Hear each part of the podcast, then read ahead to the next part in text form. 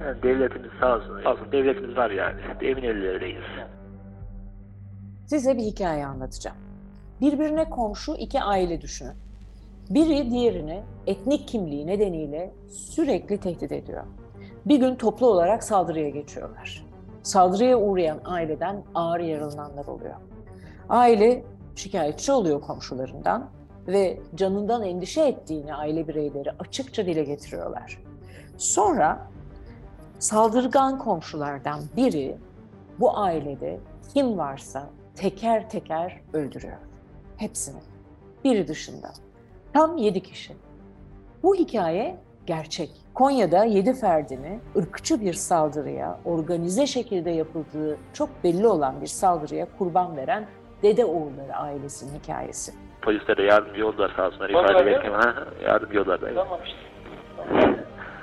Hatta çoğu, çoğu hak bile veriyordu yani. Davanın geçenlerde sonuçlandığını hatırlatalım. Ama alelacele sanık 7 kez ağırlaştırılmış müebbet hapis cezasına mahkum oldu. Mala zarar vermekten 10 yıl aldı ama saldırıdan önce gittiği yerler mesela Kara Kuvvetleri Komutanlığı'na neden gittiği, Emniyet Müdürlüğü'nde ne işi olduğu daha birçok şey araştırılmadı. Valinin e, koruması şeyin de cinayet büronunda amiri. Evet. E, yengemden, benden helallık istedi. Ben de tamam helal olsun dedim. Ben Banu Güven.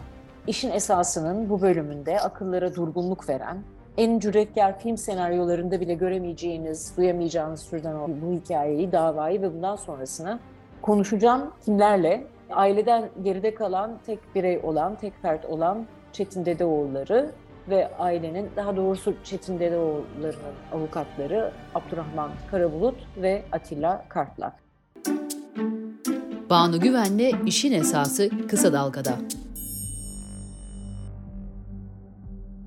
Ee, Çetin Bey sizle başlamak isterim. Çekirdek ailenizden herkesi kaybettiniz ve bütün çabalarınıza rağmen mani olamadınız aslında. Hani siz bütün önlemleri almıştınız ama güvenlik güçleri tabii e, yani ya da bununla görevli olanlar e, mani olmadı. Nasıl ayakta kalabildiniz? Nasıl hissediyorsunuz kendinizi özellikle dava sonuçlandıktan sonra? Hani davanın başından e, beri yani birinci saldırıdan sonra ben oradaydım. Tedbirleri almaya çalıştık evet. Kendimizce tedbir almaya çalıştık ama yani sonuçta sonuçta devletin polisi var, hakimi var, savcısı var. Yani sonuçta bunu göz ardı edemezlerdi. Gerçekten bir eve bir saldırı düzenlendi gece yarısı. Ve abim komada kaldı, kız kardeşim e, hani kadın haklarından falan bahsediyoruz ama üç tane kız kardeşim de darp edildi. Annem darp edildi. Ve bir tanesi de kalıcı darp vardı kız kardeşimin bir tanesinde. 65 yaşında e, rahmetli babamın kafasını, kolunu kırdılar. Bunlara emniyetin hani önlem alması gerekiyordu. Ondan sonra zaten hani ne hikmetse hani e- etnik kökenlerinden dolayı hani bir türlü şey yapılmadı. Hani koruma talebi geri çevrildi ya da e, dikkate alınmadı. Öyle söyleyeyim. Daha sonradan da bu olay oldu. Hani nasıl ayakta durdum ben olayın başından beri oradayım. Hani kavga olayından beri oradayım. Hani hep bir hukuksuzluk var. Hep bir yani olayın organize olduğu belli. Bütün e, orada 2-3 tane aile var.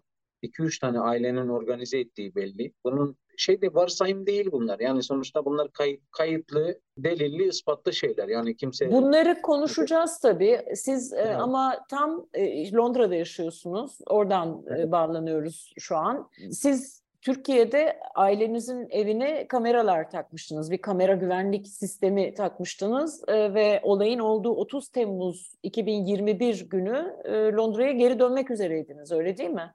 Evet, evet. Ankara'da havaalanındaydım. Yani o kameraları da Mayıs ayının içinde ben taktırdım o kameraları. Kameralar kayıtları vardı. Yani kayıtları olmasaydı herhalde faili meçhul olacaktı cinayetler. Onun da detaylarına gireceğiz e, birazdan. Siz neden bu işin arkasına daha iyi bakılması lazım diyorsunuz? Onu birazcık Abdurrahman Karabulut ve Atilla e, Kart'a da sormak isterim.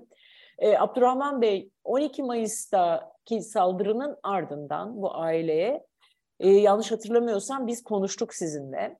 Çünkü bu aslında sizin müvekkillerinizin Dedeoğulları ailesinin e, endişe ettiği bir saldırıydı ve çok ciddi şekilde de yaralar aldılar. E, Çetin Bey'in de ifade ettiği gibi. E, sonrasında neler oldu ve nasıl bir ihmalkarlık e, yaşandı? En hafifinden herhalde ihmalkarlık denebilir. Ama siz bir takım girişimlerde bulunmuştunuz. Bir özetler misiniz o kısmını? Evet, Haziran 15 e, tarihi itibariyle Çetin ve e, Dedeoğulları ailesiyle birlikte Yaşar amca, Metin, Barış ofisimize geldiler. 12 Mayıs saldırısından dolayı mağduriyetlerini bize e, izah ettiler. Tutuklu saldırganların değil, o zaman 6 kişi tutukluydu. E, Keleş ve Çalık ailelerinden. Daha fazlaca kişilerin olduğundan bahis ediyordu ve bir kısım isimler de bana verdiler o zamanlar. Bunların da tutuklanmasını istiyor. Çünkü 50-60 kişilik bir saldırgan gruptan bahsettiler bize. Akşam 10.30 civarında kızlar el, e, ellerine kına yakmışlardı. Önce bahçenin içerisine bir patlayıcı madde atıyorlar. Müvekkillerimizin evden dışarı çıkması sağlanıyor. Ondan sonra hep birlikte e, taşlarla, sopalarla hatta silahlarla öldüresiye darp ediyorlar.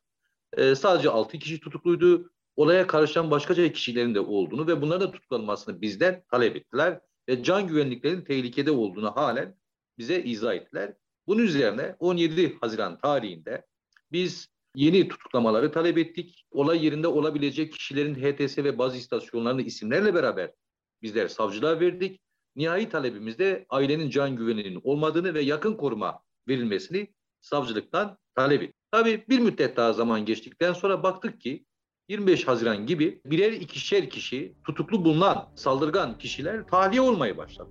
Birinci tutuklanacakların içinde sen vardın, seni tutuklattırmadım dedi. Aile tekrar yanımıza geldi. E, ya bunlar tahliye oluyorlar dediler. Bunlar işte tahliye oldukça bu cezasızlık politikası bunları şımartacaklar. Tekrar canımız daha fazla da tehlike dediler. Bunun üzerine biz 12 Temmuz tarihinde tekrardan tahliye olanlar hakkında tekrar tutuklanmalarına yönelik talepte bulunduk, itirazda bulunduk. Sırf Kürt olduklarından dolayı ırkçı bir saldırıya maruz kaldıklarını ve canlarının tehlikede olduğunu e, BİMER'e, CİMER'e kendileri de Süleyman Soylu'nun hesabına da yazmışlar. Çığlıklar atıyorlardı, yardım e, talebinde bulunuyorlardı. Daha sonra katliamdan sonra bizler anladık ki, bizler anladık ki saldırganların el konulan cep telefonlarında savcının kendilerine böyle telkinde bulunduğunu kendi aralarındaki grup yazışmalarında görüyoruz. Bunlar tespitli bir şekilde. Aynen de öyle 25 Haziran civarında e, bizler niye bunlar tahliye edildi dediğimiz zaman dosyada hiçbir somut gelişme olmadan, yeni bir delil ortaya çıkmadan tekrar savcı saldırganların ifadesini alıyor ve saldırganlardan Lütfi Keleş ve Velioğlu Ali Keleş suçu üstleniyorlar. Diğerleri tahliye oluyorlar. Bunu bir sorduğumuz zaman mahkemede katliam dosyasında bunu kendileri de ikrar ediyorlar. Suçu üstlendiklerini de ikrar ediyorlar. Yani bizler ailenin korunması için canlarının tehlikede olduğunu yönelik ve bu e, anlamda kendine yakın koru, koruma verilmesini talep ederken savcılıktan defalarca BİMER, CİMER dahil olmak üzere maalesef e, soruşturma savcısı bizim taleplerimizi görmezden geliyordu. Meğersem ki saldırganları tahliye etmenin derdi içerisindeymiş. Sağ olsun. Ya bizim devletimiz çok büyük. Gerçekten dayı ilgileniyorlar. 30 Temmuz saat 4-4.30 civarı e, Yaşar amca, Barış ve Metin ofisime geldiler. E, bu tahliye edilen saldırganlarla ilgili neden tahliye oldukları, neden diğerlerini tutuklamadıkları ve dosyayla ilgili genel bilgiler verdik. 5 civarına kadar birlikte oturduk, sohbet ettik. Daha sonra ben bir meslektaşımızın e, düğününe e, gittim. Saat 7'ye doğru, 7'ye çeyrek kala civarında telefon geldi. E, abi çabuk yetiş, hepsini serdiler şeklinde. Olay yerine 20 dakikada vardım. E, tabii e, gördüğümüz manzara e, çok kötü bir manzaraydı. Çok kötü bir manzaraydı. Atilla Bey siz Konya Milletvekili olarak da görev yaptınız kaç dönemde. Yani iyi biliyorsunuz orayı. Özellikle bu insanların oraya ne duygularla, ne beklentilerle ve neden geldiklerine dair birkaç şey söylemek isterim dediniz. Ne yapıyor Dedeoğulları ailesi? Siz de demin ifade ettiğiniz 30 yıl önce Kars'tan Konya'ya daha iyi hayat şartları sağlamak umuduyla kalkıp geliyorlar. Nasıl olsa Konya'da da devletimiz bize sahip çıkar diyorlar. Bu umutla memleketlerini terk edip Konya'ya geliyorlar. Nereye yerleşiyorlar? Karatay ilçesine gitmiyorlar. Karatay ilçesi Kürt vatandaşlarımızın Erzurum'dan, Ağrı'dan, Kars'tan gelen Kürt vatandaşlarımızın yoğun olarak yerleştiği bir ilçe. Ama bu vatandaşlarımız ne yapıyor? Meram ilçesine gidiyorlar. Gene merkez ilçedir Meram'da. Orada kısa süre içinde tarımdan, hayvancılıktan kendilerine tasarruflarını, emeklerini, birikimlerini çoğaltıyorlar, yükseltiyorlar. Ve enteresandır, o bölgedeki o dört aileye göre ekonomik olarak da daha iyi bir standart yakalama dönemine giriyorlar. Ama neyi görüyoruz? Orada giderek başlangıçta e, bir komşuluk aileleri şeklinde ihtilaflar yaşanıyor. Aileler diyor ki ya bunlar komşuluk ihtilaflardır, yaşanabilir diyorlar. Üzerine durmuyorlar ama giderek neyi görüyorlar? Bir taraftan o dışarıdan gelmiş olmanın ve ve maalesef Kürt olmanın getirdiği dış ötekileştirilme duygusunu yaşıyor. Tam bu noktada Bunu... ben Çetin Bey'e sorabilir miyim? Size geri dönebilirim tekrar tabii, Atilla tabii, Bey ama tabii. Çetin Bey siz bunu nasıl yaşadınız ya da aile bireyleriniz Atilla Bey'in söz ettiği o ötekileştirmeyi nasıl yaşadı? Hep sözü edilen bir hikaye var avukatlarınızın anlattığı. Onu sizden dinleyebilir miyiz? Ya bunu zaten o bölgede zaten hep yaşadılar. Yani her defasında bu 3-4 aile sürekli dile getiriyorlardı. Sürekli hani ailem sürekli orada baskı altındaydı. Hani Kürt oldukları için baskı altındalardı. Sürekli bunu dile de getiriyorlardı. Ama sonuçta evleri orada yani kalkıp da hani başkaları bunları ötekileştirdi diye kalkıp da evlerini, barklarını bırakıp da başka bir yere yerleşecek değiller. Zaten kendi memleketlerini bırakıp gelmişler, buraya yerleşmişler. İnsanın evinden ötesi de yok zaten. Yani başka başka nereye gidilebilir ki yani? Şimdi benim notlarımda e, bu katil 2 Ağustos'ta yani cinayetleri işledikten sonra birkaç gün sonra cinayet büro başkomiseriyle konuşurken vurduğum kişiler de normal vatandaş değil, dağdakiyle hiç farkları yok gibi bir cümle kuruyor. Babanızın yaşadığı bir sıkıntı vardı galiba. Onu evet, 12-13 sene, 12-13 sene evvel babamın işte evinin yan tarafındaki bahçeyi kiralamışlar. İşte orada iş yapıyorlarmış. Yani bahçe kiralamışlar işte bahçe falan ekliyorlarmış. Babamdan da yardım istemişler. Babam da gerçekten çok yani iyi bir komşudur. Yani komşularına yani yardımı dokunur. Gidiyor yardım ediyor. Ee, şey ra- radyoda varmış işte radyoda haberler falan çıkmış. O zaman da işte bir herhalde birkaç tane asker öldürülmüş, haberlere düşmüş falan. Orada işte komşusu olan o Lütfü Ayşe Ayşe Keleş'in kocası Lütfü Keleş e, küfür ediyor.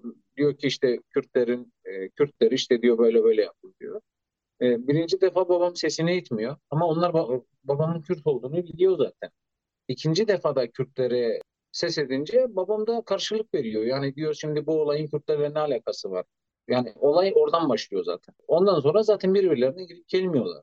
Ama sürekli hani sonuçta rahmetli babamın geleneği bir köşede olduğu için hani sürekli önünden bunlar geçiyor. Sürekli geçiyor, sürekli laf söylüyorlar, sürekli taciz ediyorlar. İşte en son işte bu 2010 yılında falan oluyor bir olay.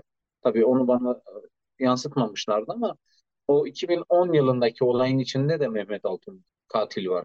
O, o, orada da orada da eve kurşun sıkmış ama yani sonuçta o, o bölgedeki karakol aynı karakol. Yani Lalebahçe polis karakolu ama evde kurşun bulamamışlar.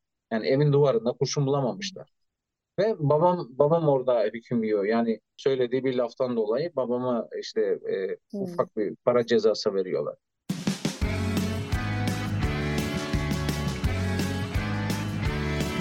Kulağınız bizde olsun. Kısa Dalga Podcast. Atilla Kart'a ben e, dönmek istiyorum burada. Yani burada devlet dediniz ki Atilla Bey koruma yükümlülüğünü yerine getirmedi. Hemen şunu arada ifade etmek istiyorum. Evet. Aile ve meslektaşım Abdurrahman ısrarla koruma talep ediyor. Sonradan o 30 Temmuz katliamından sonra mazlum derin, emeğe saygı adına ifade ediyorum. Düzenlediği müthiş bir rapor var. O raporda da ifade ediliyor. Eğer 12 Mayıs saldırısından sonra yakın koruma, bırakın yakın korumayı, çağrı üzerine koruma, bırakın çağrı üzerine korumayı, güvenlik güçleri, kolluk gücü o mahallede devreye geçse emin olunuz 30 Temmuz katliamı gerçekleşmeyecekti. Peki Ama tam ben bu noktada böyle devreye bir, girmek Böyle bir istiyorum. koruma yapılmıyor. Bu korumanın yapılmamasından cesaret eden bir süreç yaşanıyor ve 30 Temmuz katliamı gerçekleştiriliyor. E, hatta ben şimdi Abdurrahman Bey'e de dönmek istiyorum. Ee, Abdurrahman Bey hatta koruma vermek, bunu bu konuda caydırıcı bir tutum almak yerine emniyetin e, neredeyse yol verdiğini görüyoruz. Şimdi onu da nasıl görüyoruz? Bu dava sürecinde kayıtlara geçti. Çünkü siz son duruşmada bunun e, altını çizdiniz, e, bulgularını ortaya koydunuz. Bu saldırgan, katil Ankara'da bir takım yerlerde kalıyor ve Kara Kuvvetleri Komutanlığı, Emniyet Genel Müdürlüğü e, ve bir de bir özel güvenlik şirketine ait olduğu görünen bir adrese gittiği tespit ediliyor. Bu netlikte söyleyebilir miyiz? E, Avukat Özün Vurgun bu konularla ilgili çok önemli tespitlerde ve Ebru Akkay Akka, e, tespitlerde bulundu ve bunları ortaya çıkardılar. Mahkemede dile getirdiler. E, tetikçi katilin o moral motivasyon döneminde yani katliamdan birkaç ay önce o aylar içerisinde Emniyet Genel Müdürlüğü'ne, Genel Kurmay Başkanlığı'na, özel güvenlik şirketlerine gittiği tespit edildi. E peki mahkeme nasıl bunları incelemek, soruşturmak gibi bir yola e, başvurmuyor? Mahkeme yani ne dedi bu özel konuda? bir kasıtla, özel bir kasıtla tetikçinin arkasında olan kurum, kuruluş ve kişileri bunları açığa çıkartmaktan imtina etti. Çok özel bir kasıtla. Bakın 112 aram, acil arama kaydı. Yani katliamdan iki gün sonra tetikçinin emniyetle yapmış olduğu görüşmelerde aynen şu ifadeyi kullanıyor. Ben 7 terörist öldürdüm. İşte 5 kişi daha öldüreceğim. Bunlar zaten teröristti. Bunlar işte bizi rahat bırakmıyordu. Biz öldürdük diyor. Bakın biz öldürdük. Ben değil. Yani ailenin içerisinde de bu katliamla ilgisi olanlar var. Kimdir bunlar? Başta ablası Ayşe Keleş olmak üzere ve dayıları. Benim ifademi aldıktan sonra söylediler zaten. Çok değerli dayılarım var dediler. Hatta ben sarılmamak için kendimizi zor tuttuk o dayıma dediler. Biz görevimizi yapmak için mecbur üzerine gittik dediler. Bu hususların araştırılmasına yönelik 20'ye 20 civarında bizim talepimiz vardı. Tespit ettiğimiz. Önünde arkasında kimlerin olabileceğini bunları ortaya çıkartabilecek çok ciddi taleplerimiz vardı. Mahkeme hepsini reddetti. Yani bir de burada bir garip şey var. Mesela emniyet e, şey cinayet büro başkomiseriyle konuşmasının 30 dakikası görünmüyor gibi orada kullanılan ifadeler. Ondan sonra siz Atilla Bey daha önce konuşurken bana demiştiniz ki Ankara'da otellerde kaldı. Aslında işi yok gibi görünüyor Mehmet Altun'un katilin galiba. Evet, Ama bana, o da şüpheli onu bir şey değil mi? Bakın efendim bakın o kadar dramatik ki bakın. Daha yargılama yapılmadan, yargılama başlamadan soruşturma aşamasında Mazlum Der'in hazırladığı raporda Yıldırım Beyazıt Üniversitesi'nden Profesör Doktor Ramazan Yelken, sosyolog. Neyi tespit ediyor? Bakar mısınız tabloya? Diyor ki ya işsiz güçsüz bir adam var diyor. Ama bir geliri var bu adamın diyor. Her nasılsa. Bu dışlanmış diyor aile içinde. Öte aile içinde hiçbir değeri yok diyor. Bu aile içinde kendini ispat etme çabasında diyor. Bakıyorsunuz diyor bu üç ay dört ay uzaklaşıyor. E, hiç kimseye haber vermiyor ama refah düzeyi gayet iyi diyor. Bu belli ki bu bütün bu eylem sürecinde kullanılmış, yönlendirilmiş diyor. Etnik ve dışsal dışsal faktörlerin tesiriyle diyor. 20 Mayıs'tan itibaren katilin, tetikçi katilin Ankara, İstanbul, İzmir, Eskişehir, Bursa'da o 70 günün aşağı yukarı 50 gününde lüks otellerde konakladığı ortaya çıkıyor. Lüks otellerde. Adeta, adeta değil, adeta anlamsız bir kelime, moral ve eğitim kampına alındığı ortaya çıkıyor. O 70 gün içinde biraz evvel siz temas ettiniz. Ben daha vurgulamak gereğini duyuyorum. 70 gün içinde Türkiye Cumhuriyeti'nin Kara Kuvvetleri Komutanlığı'nı ziyaret ettiği ortaya çıkıyor. O 70 gün içinde Türkiye Cumhuriyeti'nin Emniyet Müdürlüğü değil, Emniyet Genel Müdürlüğü'nü ziyaret ettiği ortaya çıkıyor. Türkiye Cumhuriyeti'nin Emniyet Genel Müdürlüğü tarafından arandığı ortaya çıkıyor. O 70 gün içinde bu katilin Ankara'da adresi belli, Koza Sokak'ta işte falan güvenlik şirketini iki kez ziyaret etti. Dörder saat kaldığı ortaya çıktığı anlaşılıyor. Yani katil bir taraftan bir taraftan moral ve eğitim kampına alınıyor. Bir taraftan Türkiye Cumhuriyeti'nin kamu kurumlarından ve güvenlik şirketlerinden briefing aldığına dair bakın çok dikkatli ifadeler kullanıyorum. Briefing aldığına dair bulgulardan söz ediyorum. Siz demin 20-30 dakikalık görüntü kaybından söz ettiniz. Bu katliam 18.20'de başlıyor, 18.36'da bitiyor. Ama 18.34 ile 18.36'ya ait kamera kayıtları yok ortada. İlk günden beri bunları soruyoruz. Bu ne demektir? O katili koruyan, himaye eden ekip halinde o katliamın gerçekleştirildiğini gösteren görüntüler yok ediliyor. Bunları Bütün kim yok edebilir? da Atilla, Bunları Atilla kim Bey, yok edebilir? Bunları ancak kolluk gücü yok edebilir. bu- Bunlar bunun da bir soruşturma da konusu, bunun da bir soruşturma konusu olması gerekmiyor mu? Ee, Siz bu bunların konu- suç duyurularını yaptık. Hı. Yaptık ama o suç duyurularının muhatabı olanlar zaten bu karartmayı yapıyor. Bakar mısınız kısır döngüye? Daha vahimi, bakın tekrar ifade ediyorum mahkemede dedik ki. Sayın Mahkeme, bakın biz Türkiye Cumhuriyeti Devleti'ni kurumsal olarak zan altında bırakmak istemiyoruz. Türkiye Cumhuriyeti Devleti içinde görev ve yetkilerini kötüye kullanan kamu görevlilerinden söz ediyoruz. Kim onlar? Evet. Onlar belli ki kamu e, kara kuvvetleri komutanlığı içinde bu anlamda o yetkilerini kötüye kullanan illegal bir yapı var. Belli ki Emniyet Genel Müdürlüğü içinde o kamu görevini kötüye kullanan birileri var. Belli ki onlarla diyalog içinde olan güvenlik şirketleri var. Sadat benzeri yapılanmalar var. Sayın Mahkeme bunları neden araştırmıyorsunuz dediğimiz zaman o son iki üç duruşmadan söz ediyoruz. Mahkemenin bunları zapta bile geçirmekten kaçındığını gördük. Biz bu cinayetten sonra sizle konuştuğumuzda çok ilginçtir ki oraya Hrant Dink cinayetinde de adı geçen Engin Dinç Emniyet Müdürü olarak atanmıştı ve siz olay mahallinin bulunduğu hemen yakınında karşılaştığınızda Engin Dinç sizden bir talepte bulunmuştu.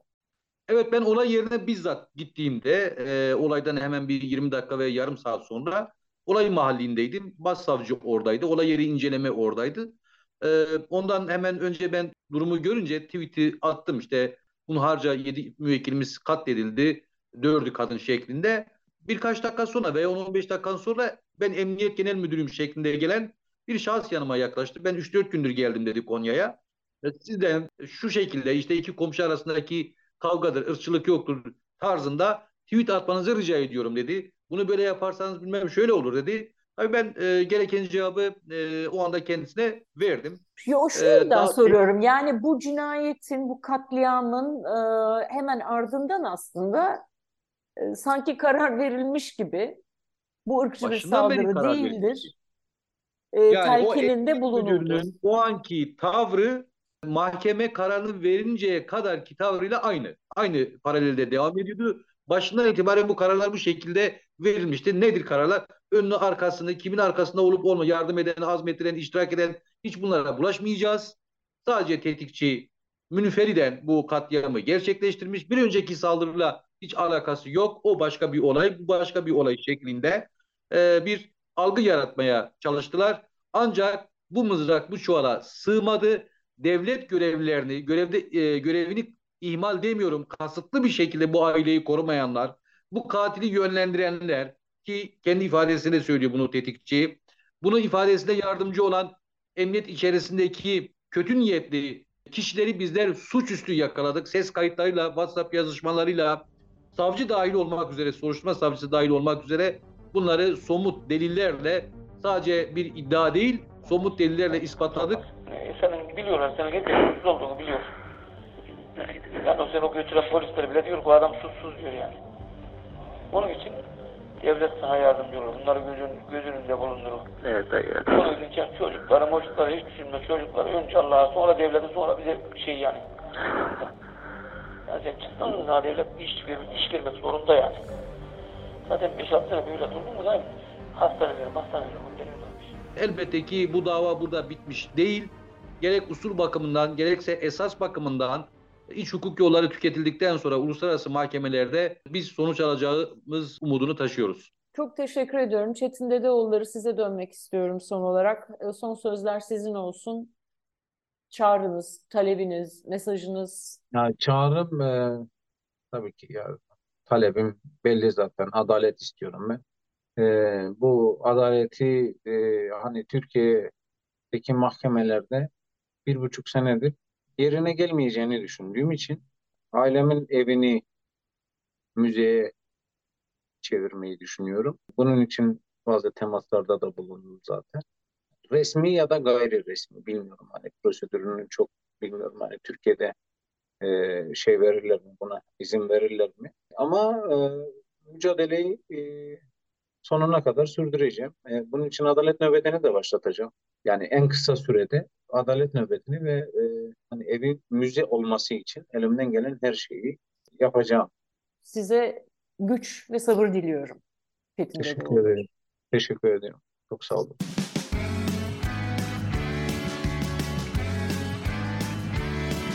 Kulağınız bizde olsun. Kısa Dalga Podcast.